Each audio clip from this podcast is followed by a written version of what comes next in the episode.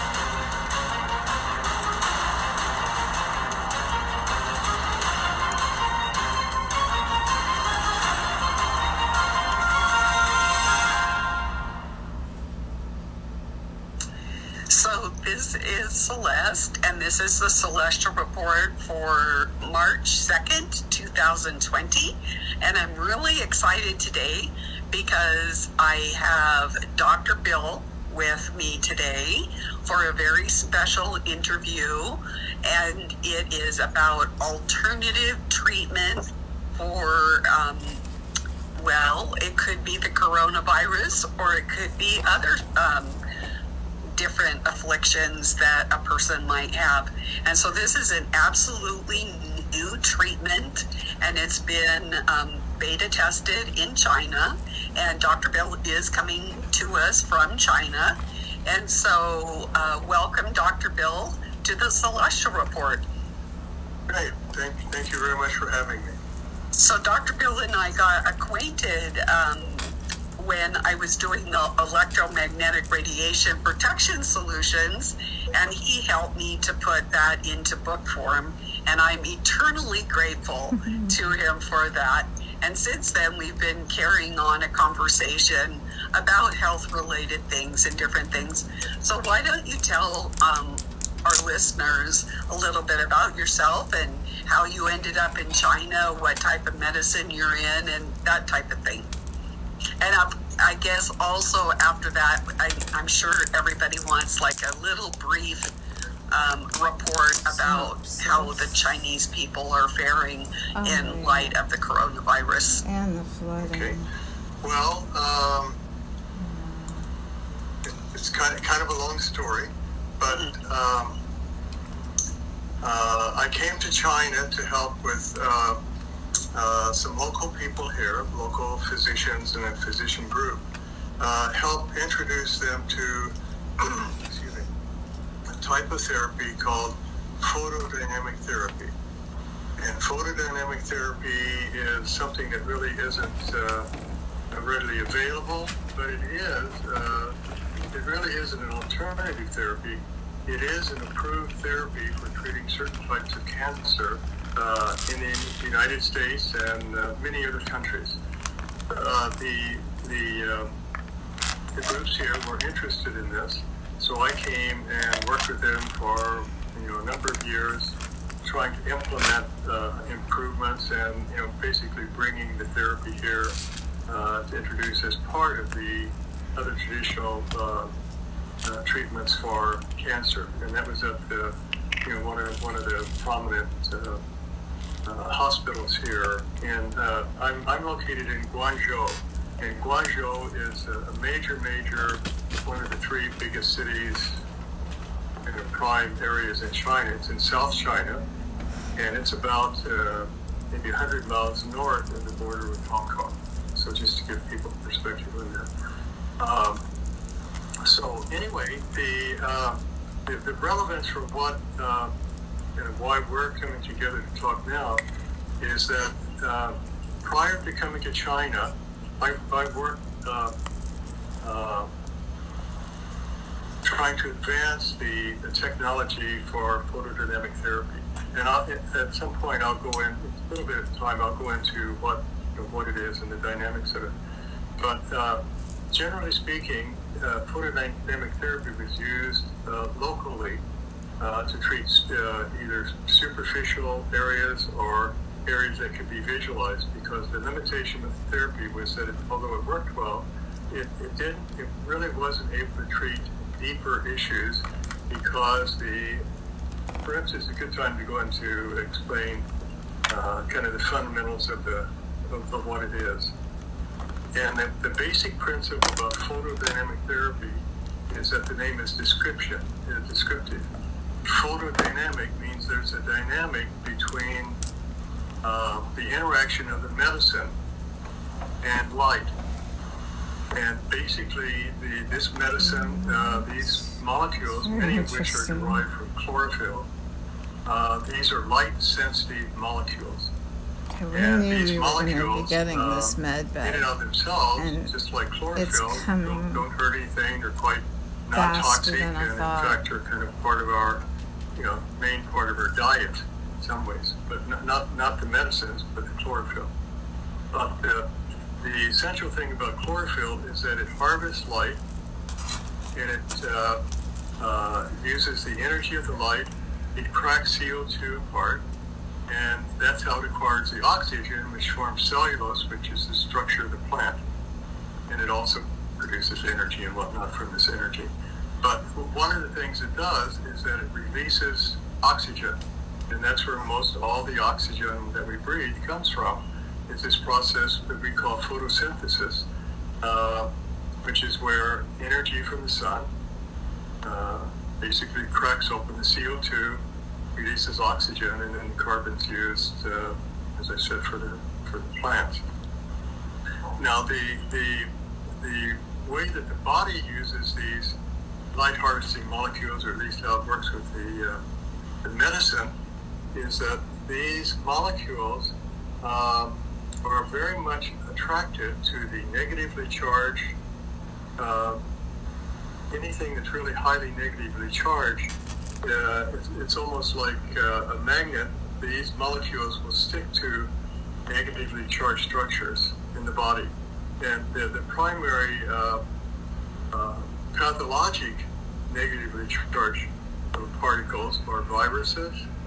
They're either DNA or mostly RNA, ribonucleic acid, and acids have a negative charge on them. Uh, the other uh, especially gram-positive bacteria, have a mycolic acid coat, so they stick on those, and cancer cells.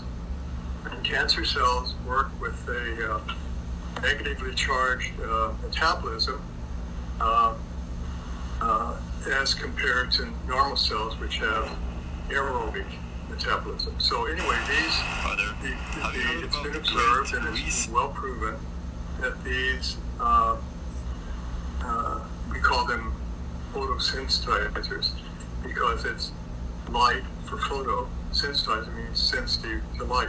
So they stick to these pathologic either uh, growths or viruses or that bacteria. And if you can get energy as to those, light energy to those, I'm any of those check for something. uh, uh, structures that have, uh, that have been uh, coated or uh, basically coated or attached to the, the medicine.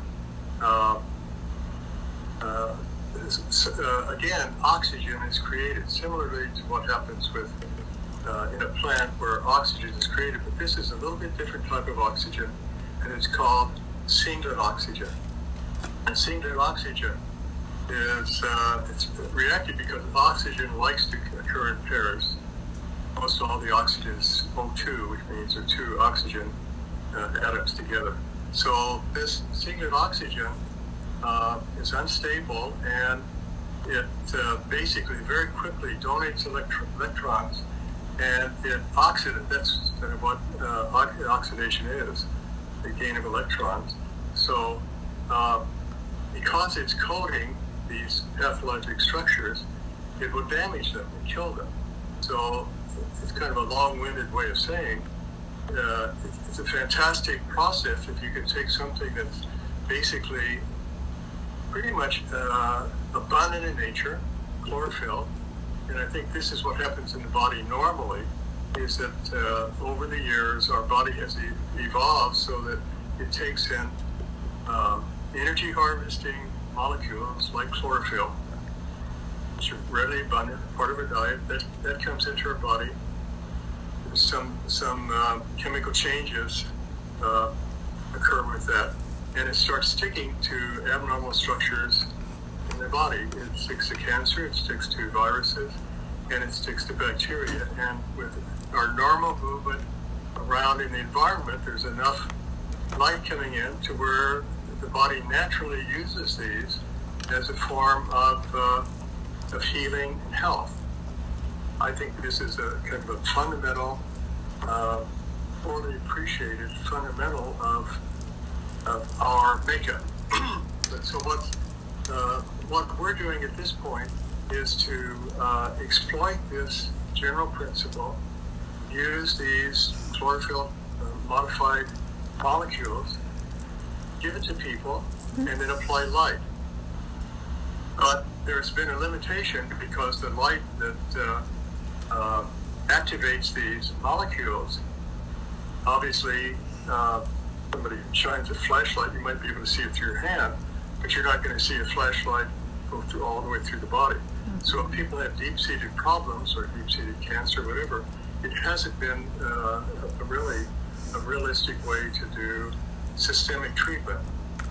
But the uh, um, the real the breakthrough for this is that in China, uh, I, I, came, I, I developed a so-called light bed before I came, and this is where people would take the medicine and they would actually uh, a bed that had about 30,000 LED lights so that they were totally 30,000 uh, LED. Uh, illuminated wow. with the light that act, there's a wavelength that sort of is particular to I every thought sensitizer. LED wasn't So supposed to be good for you. would this bed be like a tanning bed?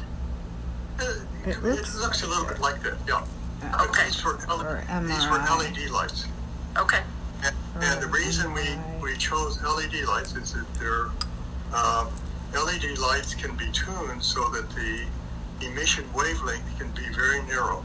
Okay. So you, you know, for most of the energy that comes out of the LED lights, we could we, we could pick the LEDs that would be just the same peak of absorption for a particular sensitizer. So if you match the, the, the very close wavelength to what activates that particular sensitizer, then you get the most uh, efficient uh, activation of the agent. So, anyway, but there are limitations to that because of the lack of uh, depth of penetration of the light. But in China, they took that uh, general principle, the same group that I was working with, and um, there's actually a, uh, uh, a doctor from who's working with a group at Harvard. His name is Don Burke, and uh, he, you know, he, he came not not here in China, but before came, and we spent some time together. And he went back to Boston, and he got the idea, which is brilliant, uh, is basically that it's you know the these molecules absorb light, but um, he and I'm not, I'm not sure his thinking, but he developed uh, some tweaks, and he used ultrasound. So what he what he developed was a sensitizer, which is pretty close to what we what we were using, but some some sort of unique modifications. And he developed a sensitizer, um, and he called it a sono uh, sono sensitizer. It's activated by sound, and the beauty of that is is that it basically overcomes the limitation of depth of penetration to apply the energy. So by overcoming that issue, it opens up the entire range of systemic treatments for, for this technology, which has uh, absolutely profound implications. Uh, and, and I say that because if you have a non-toxic medicine that's very, very safe, basically it's, it's part of a natural principle that the body uses anyway. But if you have this uh, natural medicine derivative. And to show you how non-toxic it is, the, the uh, one of the required uh, requirements for certifying a medicine is, unfortunately, to see how how much greater than the therapeutic dose is required to kill I hope they did that on 10% or an 50% of animal. little mice.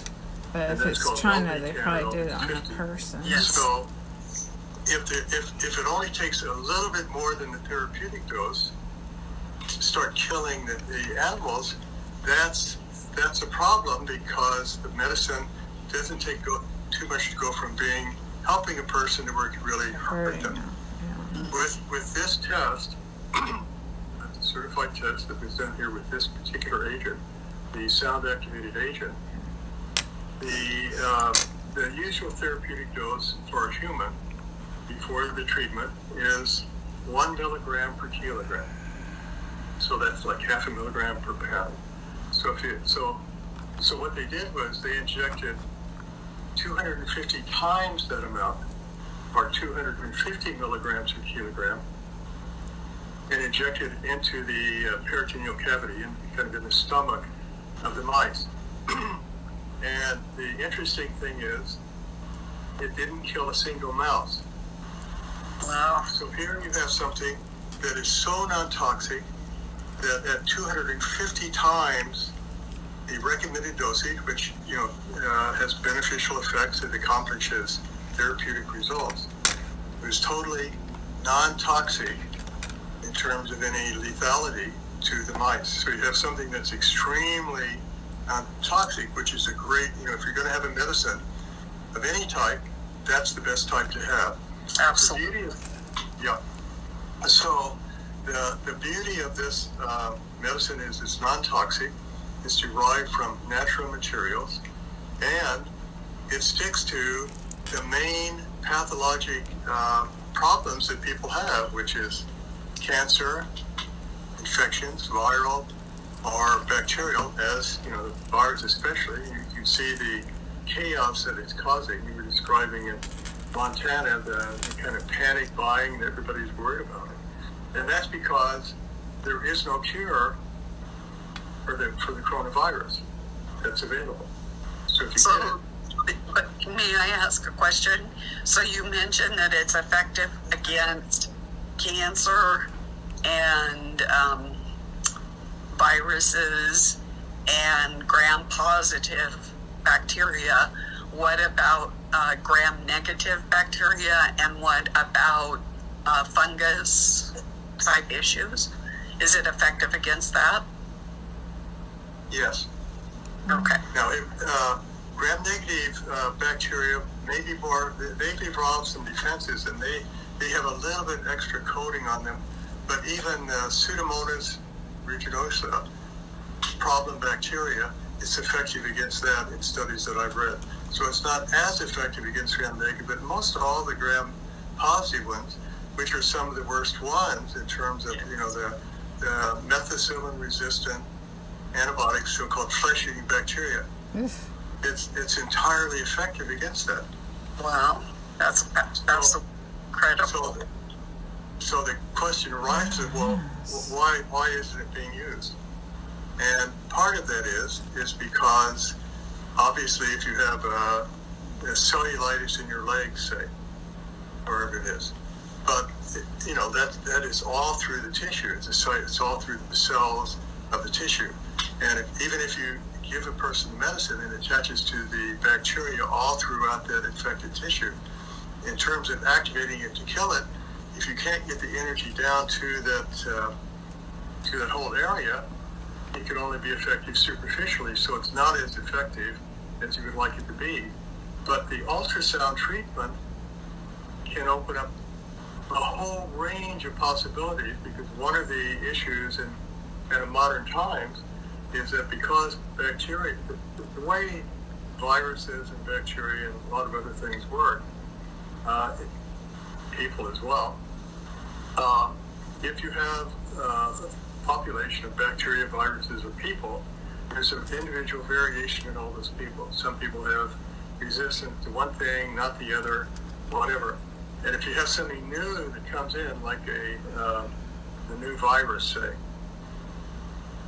uh, and this has happened before, like in Europe, uh, a certain disease, came it would wipe out half the population. But the population that survived were ones that had, for whatever reason, in their DNA, metabolism, immune system, they were able to cope with that, and they, they didn't die. But the ones that were susceptible, they're gone. So as the area repopulates, the people there, that, that particular epidemic doesn't hold the power that it did because the progeny of this uh, people that survive carry carry through this by heredity. They have those traits which make it more resistant. The same thing holds for bacteria. You have a population of bacteria. You, you kill 99% of it with a particular antibody, but the 1% that remain is resistant to it. So if that you know, still has things to chew on, like tissue or whatever, whatever it's working again, as it repopulates and spreads out, that same medicine is no longer working as well and becomes so-called resistant. Now the same thing happens with viruses or cancer cells. If you have a population of cancer cells, you can have a chemotherapy agent that works, but for whatever reason, you know, there's an individual variation in the DNA and, and you know, for whatever reason, and you have so many of them, that there are a few of the cancer cells that don't seem to be affected by that particular chemotherapy agent. And even if it kills 99, and you think, wow, looks like it worked great, and then they say, oh, well, now it's come back. It didn't come back. It never really left because you left some crumbs there that resisted to either the chemotherapy or the antibody. But getting back to viruses, there, there, uh, it actually turns out that this PDT therapy has been shown in studies. Uh, one of the applications for this technology is something called PACT, and that's photodynamic antimicrobial chemotherapy. It's not chemotherapy for cancer treatment, it's just a this chemical medicine is a type of therapy and it's photodynamically activated. So this is well proven. Uh, the this category of medicine, the PEC, and these uh, light-sensitive molecules are very effective against herpes simplex virus. Effective. Uh, herpes simplex is related to uh, uh, venereal warts and all kinds of things like that that are you know, very problematic. Uh, it's, uh, it also works against something called HPV, human uh, papilloma virus, and that's the one of the main causal elements of cervical cancer. And it's very this this type of therapy is very effective against that. Uh, HPV is also causing an epidemic of throat cancer as well.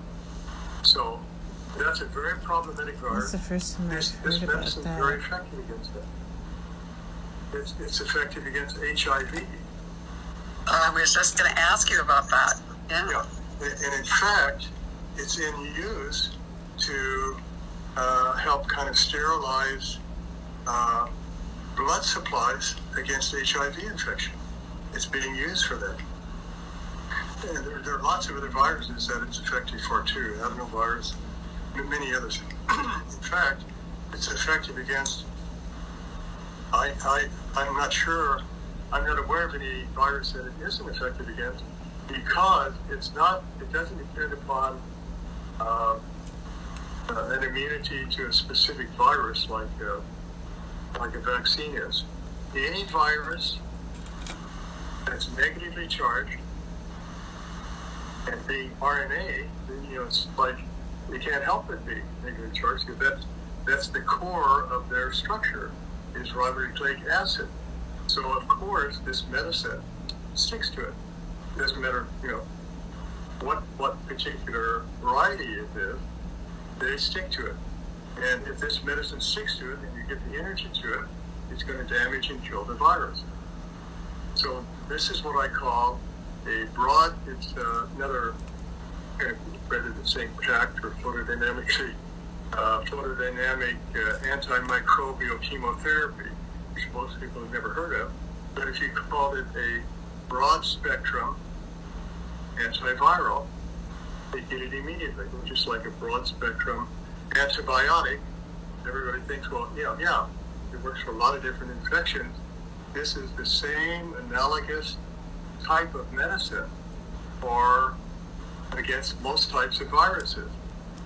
So, but the key is the key now is that there's a way to activate these medicines that are stuck to viruses all throughout the body. So you have to think about this a bit because this is groundbreaking. This is absolutely earth-shaking because if you give a medicine that's extremely non-toxic and uh, derived from chlorophyll, which everybody eats in gobs, hopefully, uh, so uh, and it sticks to these bad things in your body, that if you can get the benign energy to it, it's not like X-ray or radio, you know, uh, different types of penetrating radi- ionizing radiation. You know, it's none of that. It's light and ultrasound, and ultrasound is so safe. It's routinely used for uh, examining, you know, uh, fetuses to check it out, see how things are going. So even the fragile tissue of a fetus uh, has been shown to not be damaged by this procedure at all. So, you know, it's sound. I mean, we're being penetrated by sound uh, all the time. So it's a very, uh, very accepted, non-toxic way of uh, visualizing for diagnostic purposes. But in this way, it's going to be used for treatment purposes. And that, that too is, uh, if you have a combination of a medicine that's extremely non-toxic, that sticks to these abnormal structures, viruses, bacteria, uh, cancer, benign tumors. This is another thing. Even benign, so-called benign tumors, say, say like for prostate, one thing at prostate What cancer, but many, many, most men as they get older have the so-called enlarged prostate, where you have uh, it's benign prostatic hypertrophy. I mean, it's just gets bigger. It's not a it's not a malignant growth. It just gets bigger, but it squeezes off the the outflow of uh, from the bladder. It causes problems, and you know it's the the treatment is very very problematic because it causes impotence and, and incontinence and infections and all that. But this this is a great treatment for benign prostatic hypertrophy, a non-surgical treatment. What about something like a fatty tumor? Al- almost any any tumor, if a tumor has these characteristics of be, having this abnormal um, metabolism towards more acid, and you get the energy to it, it's going to um, uh, have positive effects against that. It also works against cholesterol plaques. Oh, that's interesting. Yeah. It, it also um, works against uh, uh, abnormal neovascularizations, new vessels that are forming. And, that's, and this is all documented, all a matter of proven science. to If you go to uh, somebody's Wikipedia, you've got me. photodynamic therapy. You'll read all about it, how this medicine sticks to various abnormal structures, etc. If you add the light energy, it uh, you know you get very very positive results as a, as a result of that. And and they'll say that the light only penetrates a tiny amount, so that's the limit. Now, it's it's it's fake news that the light only penetrates a tiny amount there there are the, the it does penetrate further, but I agree it doesn't penetrate in deep into the body to get the effects that you'd like. And that's another issue I can go into maybe another time. But anyway, but with the ultrasound, see what what if you go to Wikipedia or any of um, you know any of the, the big sites where they're talking about uh, photodynamic therapy, they'll say that it's uh, really not good for anything except maybe skin cancer, which is very good for or areas where you can see something and apply laser uh, internally uh, then it works well. So, um, uh, anyway, people can do their own research. It's all well accepted uh, science. They'll see that there's a certain number of uh, uh, photodynamic medicines that are approved, and I could get into that too because the only the only one that's really approved is one from about 30 years ago. That's the only one that's kind of been allowed, for whatever reason, regulatory or otherwise, to be available, at least in the United States. And that's one that has a lot of disadvantages. You know, people you know, point out how, you know, it makes people terribly light sensitive and you have to be, you know, sequestered from sunlight for, you know, two to three weeks, if not more. Otherwise, you do terrible sunburn. So the only one that's really allowed to be used is one that has all the negative benefits and very poor benefits, very only very superficially activated. So I have a question. Um, does it do anything for people with Alzheimer's or dementia? I I don't have any evidence that it has any benefits from that because uh, if that would turn out to be something that was negatively, you know, the pathology had to do something with those cells being negatively charged. But I, I uh, I've never seen any evidence, you know, relating it to that. But um, anyway, get, getting back to kind of where we are now, mm-hmm. uh, uh, the the application of this systemic ultrasound, uh, which is very, you know, it's, it's, a totally new way to activate the agent in a systemic fashion. Now that's that's being done now in China. The group that I came and started working with, I, I was some point I went off and did some other stuff, but now I'm back uh, involved with them. Uh, but they have uh, just like this sort of light bed, looks like a like a fancy tanning bed, but with LED lights. They developed a an immersion, basically like a big bathtub, and they have all these ultrasound transducers along the bottom and the sides and whatnot. So basically, it's a way of applying ultrasound energy to the entire body, and they're using that. And uh, uh, I'm, I'm, working with them. I've been through this therapy, uh, but the, the, the kind of the reason that we're talking now is because I may I am putting it out there, and it's a little bit of it might seem a uh, kind of a bold or outlandish statement, but what I'm saying is that this is a probable. Uh, I won't say cure. It may it may cure it, that this is the this is a, uh, a broad spectrum antiviral treatment platform that could you know I uh, there's everything to indicate that it would be a very very helpful treatment for the coronavirus, if not the cure. And the, the one of the reasons that I think it's going to be uh, especially effective is because one of the ways that you administer the medicine is through inhalation.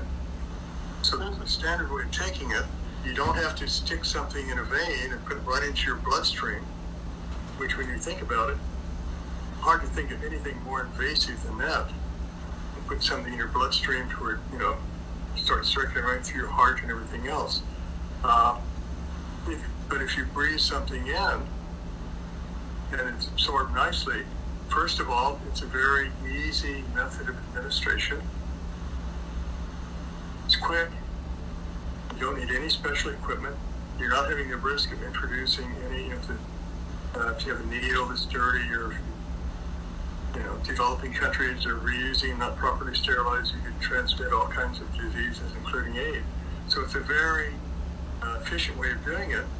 But my feeling is that what would be better to treat the coronavirus. And most all of these really terrible epidemic viruses, if they're spread by either droplet or airborne, No call yet. They come in through the lungs. And most of these uh, problems, coronavirus included, they're basically their target organ where you get the most problems is in the lungs. That's that's where they're doing their dirty work, causing inflammation, compromised breathing and oxygen, and people put on respirators and all that. So, what what is better? I mean, if you have a, you know, you could either take something systemically for a problem on your skin, or if you put the antibiotic right on the skin, which which is a more direct method of you know getting the most concentration of the medicine to the area of interest, and that's applied directly. What could be more direct than breathing this medicine in? Now, again, because it's new, and most most medicines aren't given that way, you say, "Wow, that seems pretty pretty uh, severe. That's that's a pretty dramatic way of doing it. That going to hurt somebody?"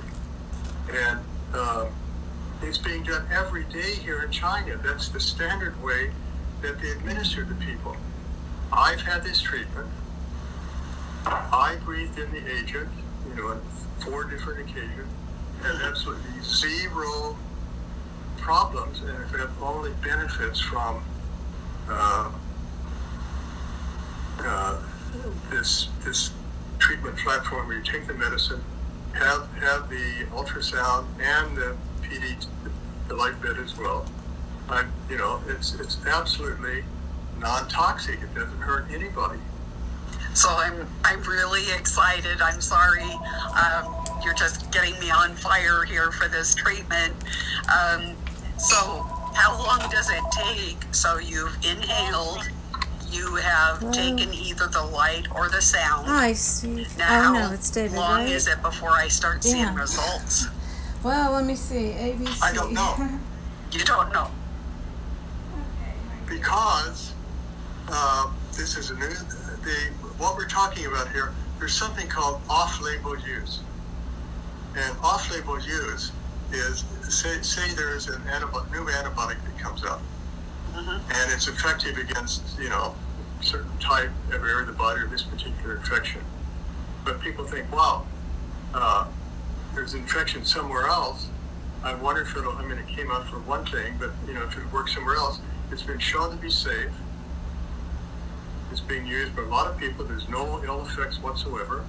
And logically, if it if it helps that infection, it should should help on this type of infection. So you know, I'm I'm not going out on too far a limb. So it's not on the label. Look at the label, and it doesn't doesn't say for this other type. But if it's safe, it tells about how it's safe, how easily it's given, no side effects no long-term consequences, and it's good against this affecting infection. So it's not on the label; it's kind of off that particular label, but people start using it, and it works well. Well, there they may eventually put it on the label, but maybe not. Maybe people just sort of uh, through common usage start using this medicine to treat all kinds of things. So this particular application to the coronavirus is kind of an off-label use because right now it's being used very, very effectively against deep-seated cancers in the body. Now, it's but the, the same agent which has been used for decades, literally this category, it's called chlorin E6. This has been used for decades uh, in one jurisdiction or another. This type of chlorin E6 has been fully approved in Japan for 15 or more years and used. And, and to show you the benefits of it, uh, and I'll just use the instance of cancer, and lung cancer in particular. Lung cancer is one of the most deadly and very common forms of cancer. And uh, I'm trying to think of the statistics, but it may be the biggest killer of men and the second of women in the world. So um, normally when somebody is diagnosed with lung cancer, uh, they have a five-year survival of, you know, at most maybe four to five people are going to be gone in five years. It's almost like a death sentence, close to a death sentence you can get. Huge expense in treating it, but you know nothing really seems to help because it's right, right in the middle of a person, and it doesn't, you know, by the time it's diagnosed, uh, it's spread around, and you know, trying to treat it's a nightmare, and it, you know that's, you know, it's, it's virtually a death sentence. So there, there are ways of detecting early lung cancer. And people at the sputum, they see cancer cells. You can look down and you can actually use this same type of medicine because the other amazing thing about this is that in addition to using for treat, treating bacteria, viruses, cancer, you can also use it for diagnosis because this medicine, because it sticks to these, uh, you know, the cancers, and it gives off this singlet oxygen, it also fluoresces. Hmm. So if you put a light on it, and you see a glowing spot, it means that medicine has stuck to that those abnormal cells, and you can see where the cancer is in real time, without any, as long as it's superficial enough, you can you can see it. So the same thing holds if you go down into bronchi and right where the smoke hits and kind of piles up where it splits to go into one lung or the other, that's where oftentimes the cancer starts. But if you see early on that you have an early cancer diagnosis from testing the sputum, and you go down and look and you see where it is, you get the patient medicine, you go down and you see where it is, you hit it with a light, the light's absorbed by the cells and it kills the cancer. So using that technique, it converts a survival rate to better than 95%. So the, those people that are dying from lung cancer now, all over the world, biggest killer of men, if they had an early diagnosis uh, process that they could take and use as therapy, that, that would convert if people who are dying from cancer, if they'd had that earlier caught when it was when it was early, they would have a nine, greater than 95% complete response rate. Cure it. That's amazing. Absolutely And this amazing. is this isn't something that I'm making up.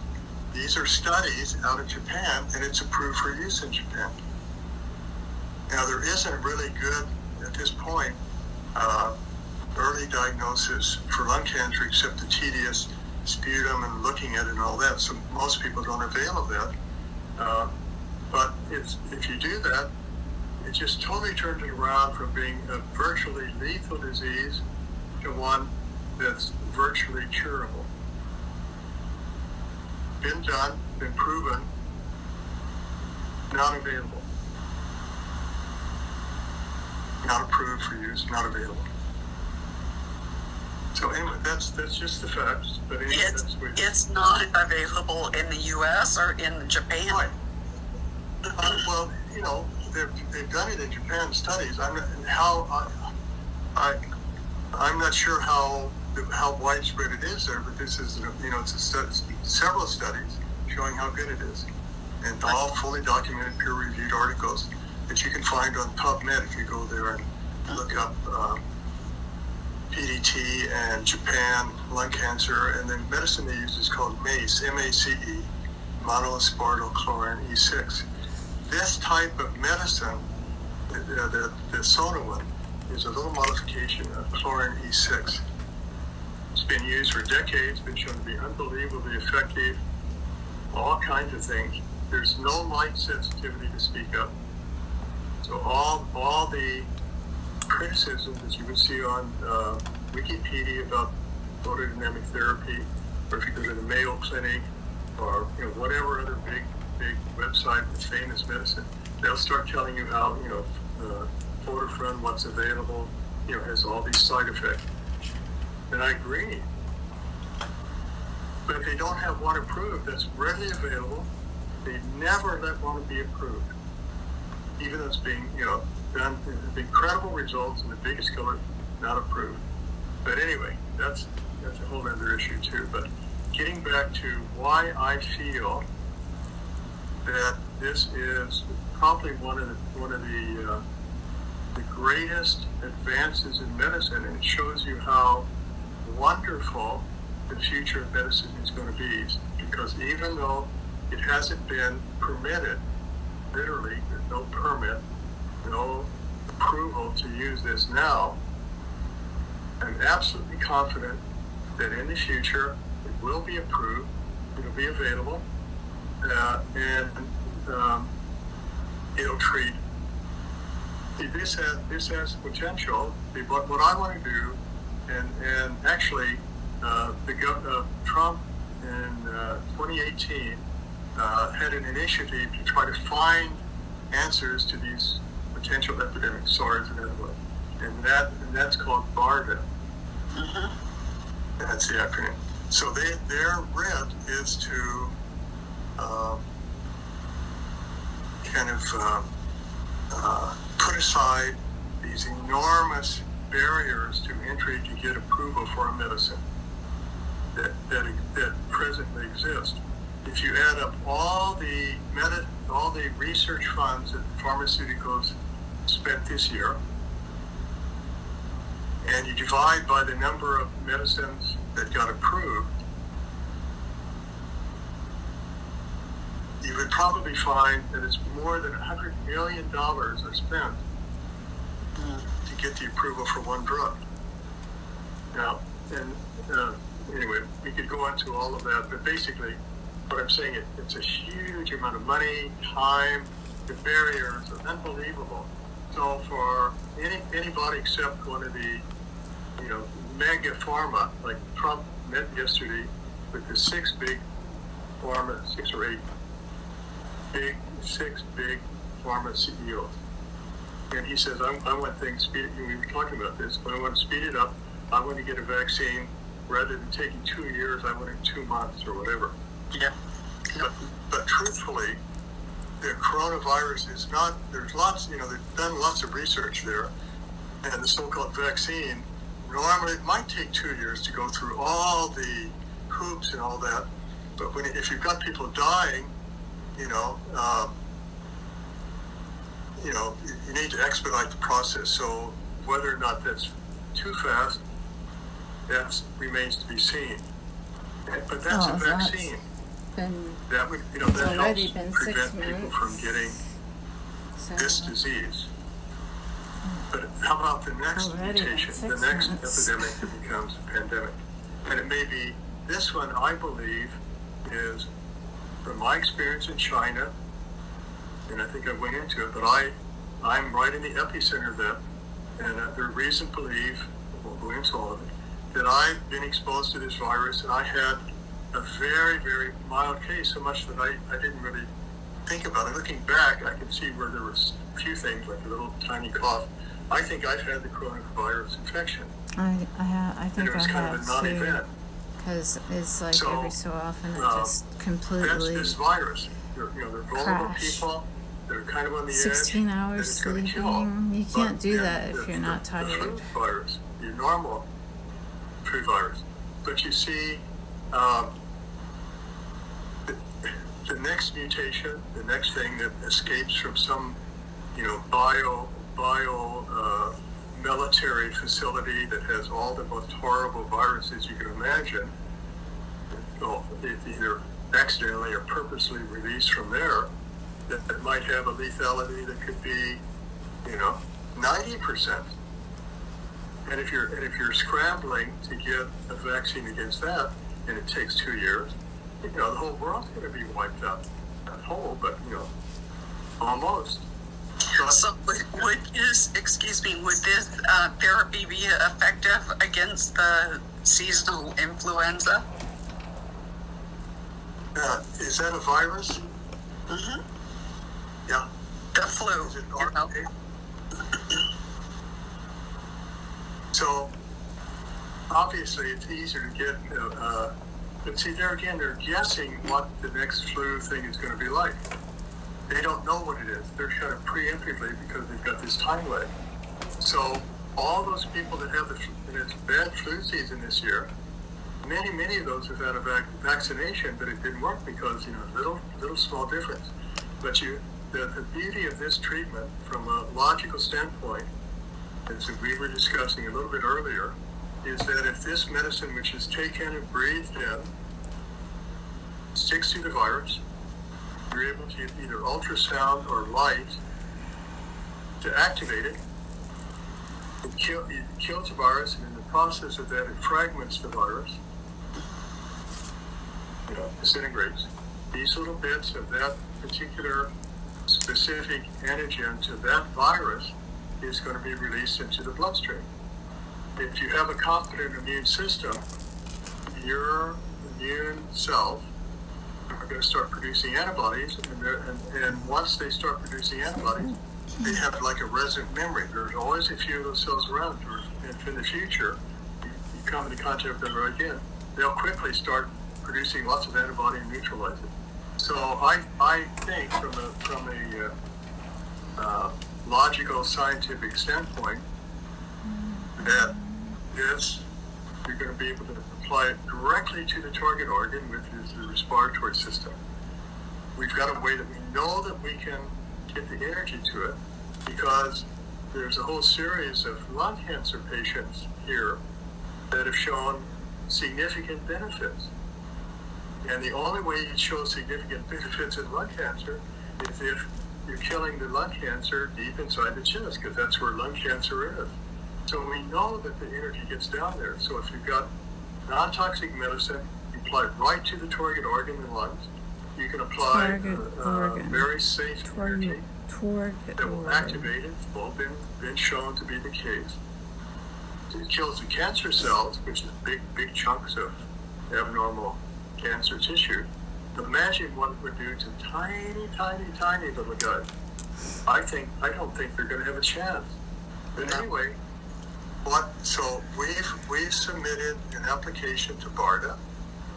We've written all this information, hmm. showed them all the evidence in the peer-reviewed articles of how effective it is. It's already been proven to be effective against a broad spectrum of viruses. That's why we call it a broad spectrum antiviral. And the coronavirus is an enveloped virus. It's right in right in there with all these other guys. Hmm. So it's already been proven to be effective. It's all it's, it's already the the medicine is in use, and people are doing great for this other application. So uh, in turn, in a way, it's beyond the human trials already in terms of using this medicine, having it breathed in, and applying energy. I'm sitting here telling you it's a nothing burger in terms of any, burger. you know, it's, it's a, a benign treatment. It's a benign burger. So, how long does the BARDA process take, or can you walk us through that? Do you know? Depends on how fast Well, they said eat. that within, you know, as, as soon as last, as soon as last Friday they might call, but uh, they haven't called yet. He's a but, little bird. Uh, Somebody I've developed another Okay, stack, a deck stack, again, listing out data, listing the toxicology, listing of the things that we've got ready for that. But my question to you is, uh, uh, President Trump requested two and a half billion dollars to throw at this. Chuck Schumer wants eight billion dollars to throw at this. So, do you think any of the big major drug companies will be applying to see if they can get some of this money to, uh, you know, to Get see one if of any of their things guys. work? No. Of course. Yeah. So, in that stack of applications, The best. which do you think is going to rise to They the want top to their where be the medicine first to people they sell. call? And these are probably a lot of them are, you know, well, they've got one s- one category for They want to for sell their uh, medicine. vaccines, another one for diagnosis, another one for treatment. But That's one all the, Tamiflu and whatever that was used in last SARS, I'm sure there are lots of so-called antivirals, you know, anti-HIV. How big an industry do you think the, the, the retrovirals and the antivirals are at this point in the pharmaceutical? It's probably got to be in the billions. Their market, what they're what they're charging. some of these can be fifty or hundred thousand dollars a year for some of these antivirals. So, which do you think they're going to call first? Do you think they'll ever get? I mean, it's not that they don't want to call, but you know, if it takes a year to call us or two years or whatever, that's you know, that's you know, that's that's the same as not being called. So you have a bold proposition that we were talking about earlier. Do you want to share with the listeners what that proposition is? Well, uh, through a an associate whose wife is Iranian, her she has a contact with uh, a gentleman in New York that has a radio program that basically is targeting the Iranian diaspora, all the Iranian folks that are here, or, you know, but anywhere in the world, even in Iran. Uh, he's talking about all things Iran, politics, and you know this and that, economics, you know, everything. So uh, I'm probably going uh, to be uh, interviewed on that show. Mm-hmm. Hopefully, in a few days. But my offer to him is that uh, well, well, I've done two things, but I'll, I'll tell you what my offer to him is first. We, we have a PDF that outlines all basically the application process, what we've submitted, our summary, our, our documentation of all the peer reviewed papers that we've submitted to BARDA. And then I've also actually also added the, the stack, about 10 slides, of additional uh, specific uh, things that they're looking for, like uh, toxicology and things like that. Um, I put that out on the internet. So hopefully it will go, pardon the word, viral. And a lot of people will be uh, knowledgeable and introduced to this incredible technology that's all proven but not available. And and uh, it's kind of a bold title, but I've got a question mark cure for corona. That's the title of my this PDF that I put out. And you you might be, um, I think, uh, Dennis Laurier, who uh, kind of put it, he has it available for download at his site, and uh, for your site, you can do the same thing. I've, I've sent you this PDF. If Right. you want to put a download link, they can go to your site, they can download it, and they can read all about it. And if it isn't exactly like I said and more, uh, I'll, I'll be happy to discuss it. But any, I think people are going to be absolutely blown away by this technology that's uh, in existence but not available to them. Because, and uh, I guess the first question is, oh my God, why isn't this available? So then, what do you suggest our listeners do once they've read the literature? I mean, how can we help you um, in this process?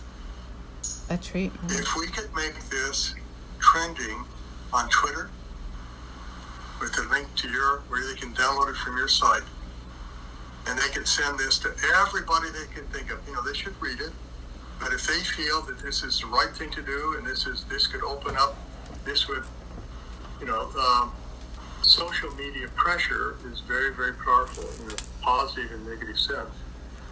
People are unhappy with corporate policies for whatever reason they get a whole big uh, Twitter following. They want to boycott the, the huge company that otherwise would be totally immune from any suggestion or from the peanut gallery. You know, very quickly, you know, they listen up because then uh, it's an election year now. Mhm. So I think the politicians, if they start getting a lot of comments about this and saying, you know, what what what's uh, has BARDA approved this yet, or are they allowing this to be tested, or whatever? They're you know, because right now the politicians, you know, it's all about personality and whatnot, but this is a substantive issue that's of vital importance. I mean, if people go to the grocery store, you're worried about going there and not being able to buy food. I mean, what what you can't get much more uh, critical issue than this because of the panic about the coronavirus. But here we're talking about potentially a cure